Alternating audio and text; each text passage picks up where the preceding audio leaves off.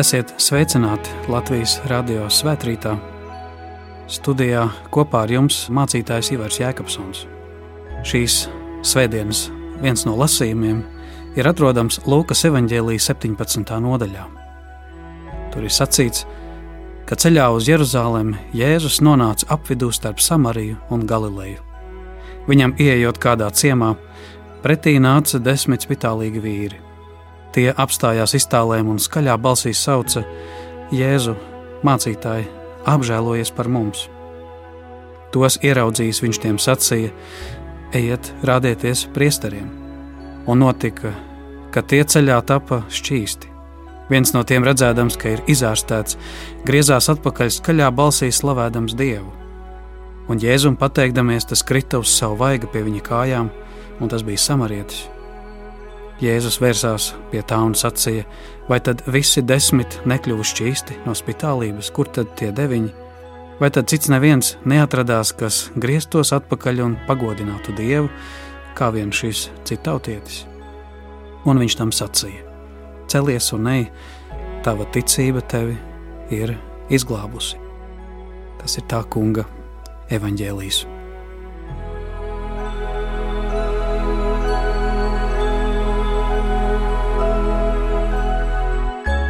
Mēs lūdzam tevi, Kungs, svētī mūs šī tava vārdu patiesībā.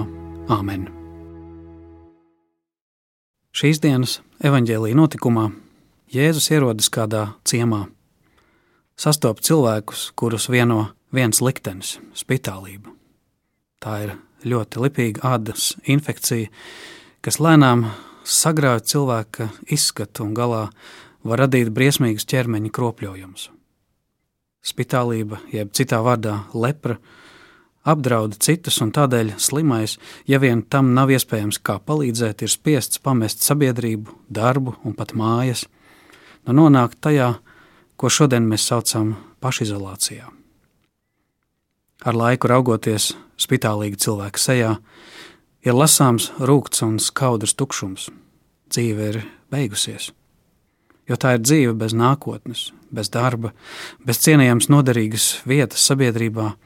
Tā ir dzīve, no kuras citi novēršas ar pretīgumu, dzīve, kas izraisa vien līdzjūtību. Un palēnām šāda kroplība var radīt arī iekšējus dziļus ievainojumus, graujot pašapziņu un izraisīt cilvēkā pilnīgu atstātības izjūtu, ja vien tas nesaņem kādas īpašas rūpes. Šim cilvēkam nav vairs iespējams piepildīt varbūt lielāko no cilvēka vajadzībām - mīlēt un būt mīlētiem. Tā ir dzīve bez pieskārieniem, bez apskāvieniem, bez attiecību siltuma. Un galu galā tas varbūt liek pat sajusties, ka esi nolādēts, dieva atstāts, pamests un nemīlēts. Šādos dzīves apstākļu diktētos garstāvokļos Ir svarīgi cilvēkam draudzēties arī ar savu atmiņu un atcerēties gaišos mirkļus un tos vārdus, kas nezaudē nozīmi arī tad, kad ir slikti. Tad ir svarīgi atcerēties, ka dievvvārdi vienmēr mums turpina apsolīt, Dievs tevi mīl, es esmu ar tevi, lai kur tu būtu un kā tu jūties.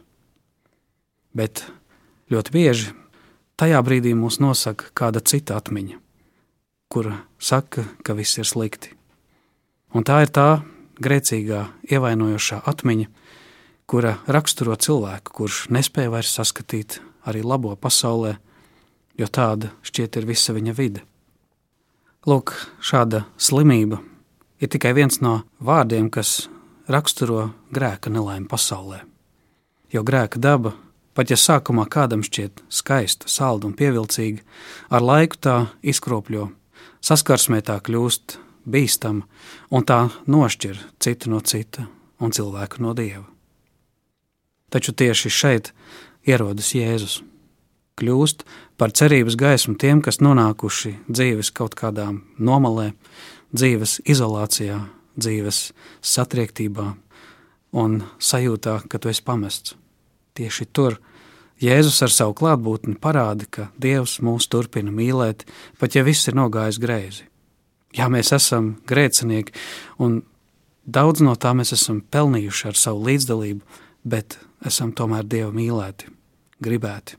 Viņš nāk pie mums un klauvē pat pie mūsu spitālīgās dzīves, pat pie mūsu infekciozām durvīm un uzrunā mūsu sirdis, grib tās apgaismot, dziedināt.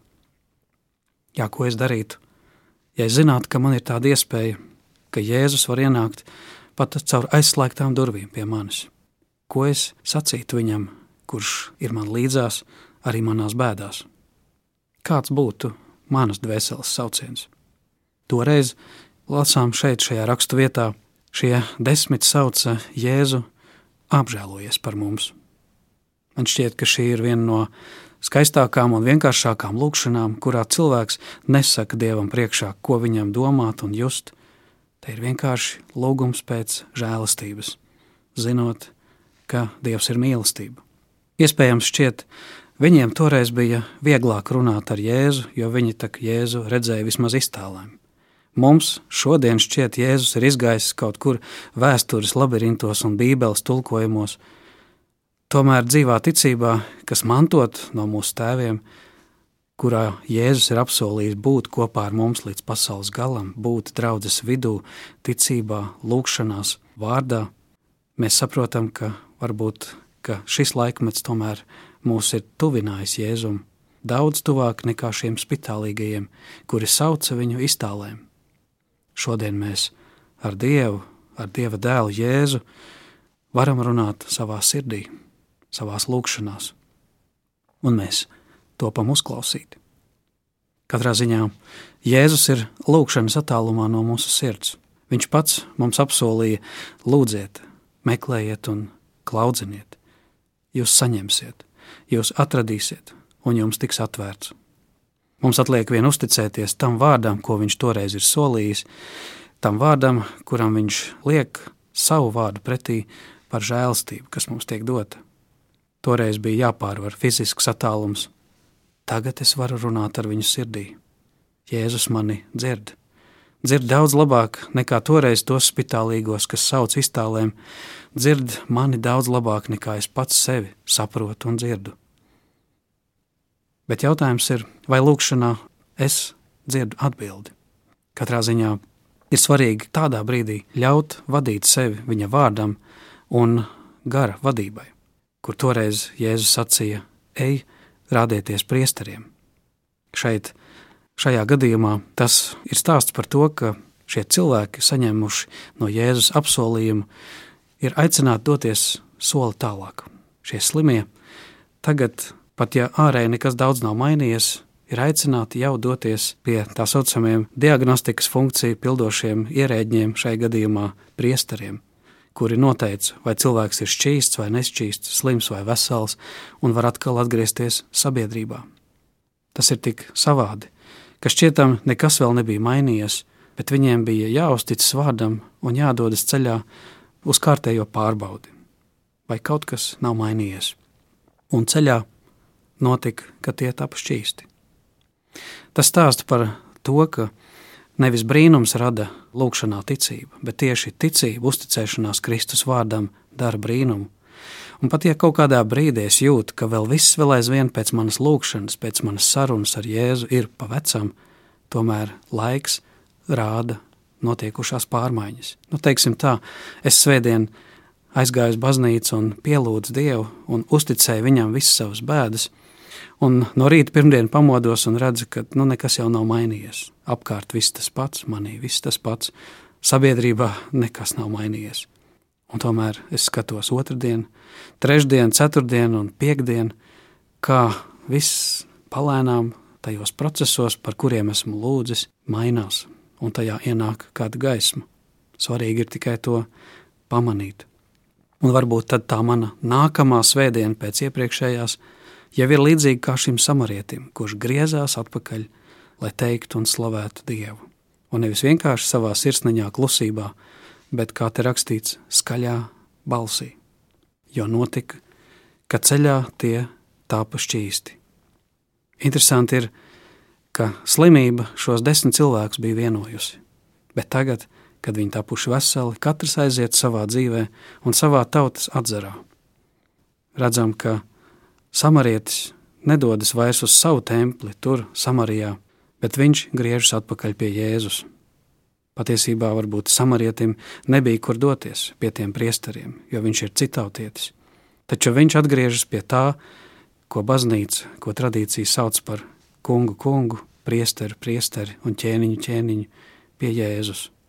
Viņš patiesībā atrod šeit to priesteri, proti Jēzu, kurš Jeruzalemē ar savu krusta nāvu un augšām celšanos izlīdzināja debesis un zemi, un upurēdams savu dzīvi, dziedināja mūsu grēku un vainas. Viņš atnāca pie tā priesteri, kurš tiešām var palīdzēt, kamēr pārējie tikai pārstāv Dieva žēlstību, kurš var mūs dziedināt. Lūk, šis samarietis ceļa galā atnes pateicības pilnu upuri Dievam caur Jēzu Kristu. Viņš redzēdams, ka ir izārstēts, griezās atpakaļ un skaļā balsī slavēja Dievu. Un Jēzum pateikdamies krita uz savu vaigu, Jēzus vērsās pie tā un jautāja, vai tad visi desmit nekļūst šķīsti, kur tad tie deviņi? Vai tad neviens cits neatradās, kas grieztos atpakaļ un Dievu godinātu, kā vien šis citautietis? Viņš tam sacīja: Celies un ej, tava ticība tevi ir izglābusi. Kāpēc mēs, kāpēc jūs nākam uz baznīcu, uz draugu. Parasti jau saka, griežas pie Dieva tad, kad ir problēma, taču šī raksturvieta ved mūs no problēmas pie pateicības, no lūguma pēc vajadzības, pie slavas dziesmas Dievam, kas ir galvenais un svarīgākais motīvs nākt kopībā, nākt draudzē, ieiet svētdienā un godāt Dievu ar slavas dziesmām un pateicību. Tas ir tas lielākais lūkšanā, kur attiecībās ar Dievu tu ieraugi viņa varenību tavā dzīvē, kas ir ar tevi klātesošs tavos priekos un bēdās, un ka tu redzi tos mirkļus, kuros Dievs tev ir pieskāries, kurā Dieva dēls tev ir pielicis savu roku un dziedinājis tavas vainas, un tu nāc ar pateicību. Es pateicos, ka tu mani mīli, es pateicos, ka tu mani neesi atstājis, es pateicos, ka tu man katru dienu esi līdzās, pat ja daudz kas nemainās, un es pateicos, ka soli pa solim ceļā es esmu tapis šķīstīts. Un ja nevienmēr fiziski, tad garīgi. Nevienmēr ir iespējams šajā saulē, ka visi tiek dziedināti.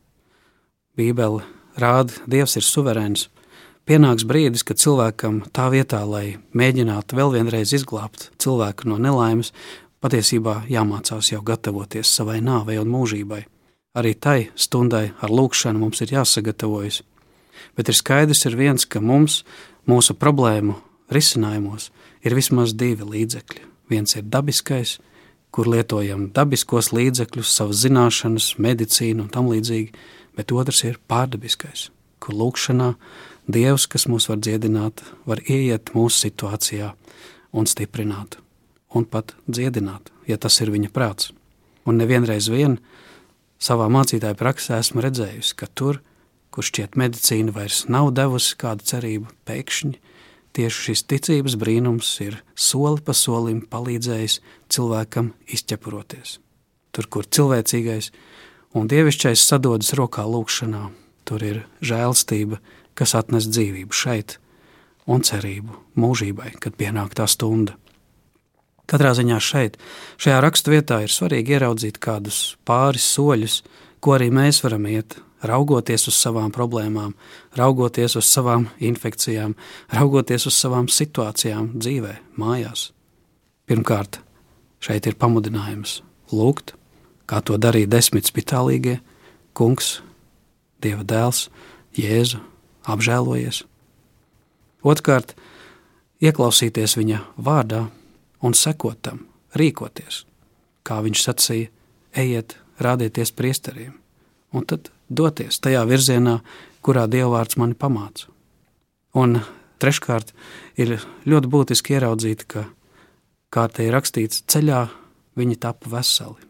Proti, pamanīt, pamanīt, kas pie tevis notiek tajā apsolījumā, kas tev ir dots, pamanīt šīs dieva pieskāriena dāvanas un izmaiņas.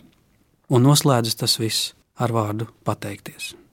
Tie ir šīs samariešu soļi, kurš beigās saņēma apsolījumu, ej, tava ticība tevi ir izglābusi. Šis vārds izglābt norāda kaut ko vairāk nekā tikai fizisku dziedināšanu.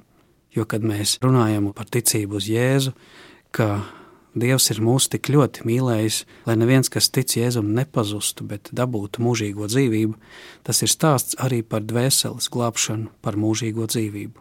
Svarīgi ir ieraudzīt arī šīs pārmaiņas, ne tikai fiziskās, ka manā dzīvē dažāda veida nešķīstības, ieradumi, atkarības, dažāda veida aizspriedumi atlaiž mani, atbrīvo, un es ieraugu vairāk gaismas un žēlastības. Jā, lūdzot, ieklausoties vārdā un rīkojoties saskaņā ar to, pamanot šos pieskārienus, šīs izmaiņas un pateicoties. Tie ir ceļi, kas ir samariešu ceļi uz pilnīgu dziedināšanu, ne tikai fizisku. Es atceros, kā kāds man pazīstams vīrs, Evalds Lodziņš, Mālpils novadā. Kopš atmodas laikiem viņš daudz darīja tās baznīcas sakopšanā un remontā. Es toreiz viņam jautāju, kāpēc tu to dari? Viņš sacīja, es tikai gribēju pateikties par tām daudzām dāvanām, par izglābšanos kara laikā. Viņš uzrakstīja grāmatu ar nosaukumu Tumsā būt gaišam. Tur viņš stāsta visus šos notikumus, kā pārdabiskā veidā no drošas nāves Dievs viņu ir glābis. Bieži vien pat ar stipru balsi sirdīs sacīdams, ej prom no šīs vietas, jo tūlīt šeit viss tiks sabumbots. Lūk, kā šis cilvēks pārdabiski kara laikā tika glābts un sargāts. Pārnācis mājās, viņš ienāca draudzē un daudz labu darbu izdarīja. Viņa ticība bija ar pateicību. Viņa saņemtā brīvība un dzīvība, dziedinājums nāca ar slavas dziesmu Dievam, darot labus darbus. Vai tu pamani savā dzīvē šos Dieva darbus? Kāda būs tava slavas dziesma ikdienā, kuru tu atnesīsi Dievam? par tām dāvanām, ko tu saņem. Pat ja šķietami nekas daudz nemainās, un tomēr, vai tu pamani, kā Jēzus tev ir līdzās, kā viņš tevi stiprina tavā spēkā un nespēkā, kā viņš tevi uztur.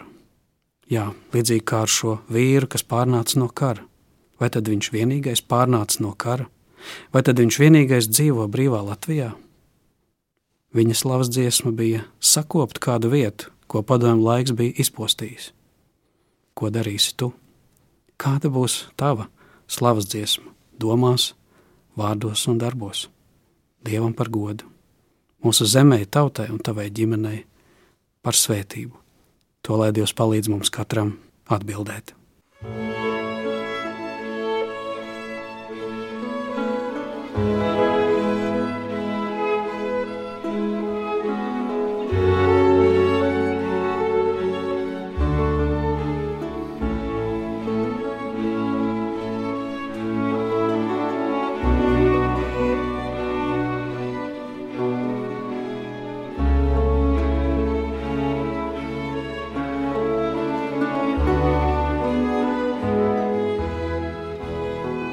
Lūksim Dievu, mīļais debes Tēvs.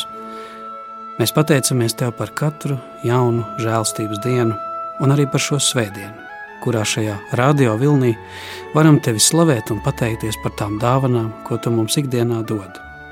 Un pat ja daudz viet aizvien tā saucamā pandēmija pieņemas spēkā, un daudz viet cilvēki ir izsisti no sliedēm, mēs pateicamies, ka arī te Tu vari ienākt, ka arī šeit Tu vari sacīt savu vārdu kas paceļ, kas dziedina un stiprina.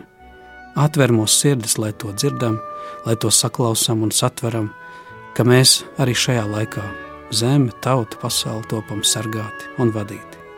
Mēs lūdzam par mūsu zemi, par mūsu tautu, par mieru, par vienotību, par žēlastību, ka tu dod mums žēlastības laiku zemē un tautai atlapt, izturēt un svinēt tavas uzvaras mūsu sirdī un mums visiem kopā. To lūdzam Jēzus vārdā, kā viņš to ir mācījis. Mūsu Tēvs debesīs, svētīts lai top tavs vārds, lai nāk tava valstība, tavs prāts, lai notiek kā debesīs, tā arī virs zemes. Mūsu dienascho maizi dod mums šodien, un piedod mums mūsu parādus, kā arī mēs piedodam saviem parādniekiem un neieved mūsu kārdināšanā, bet atpestī mūs no ļauna, jo Tev pieder valstība, spēks un gods mūžīgi mūžos. Āmen!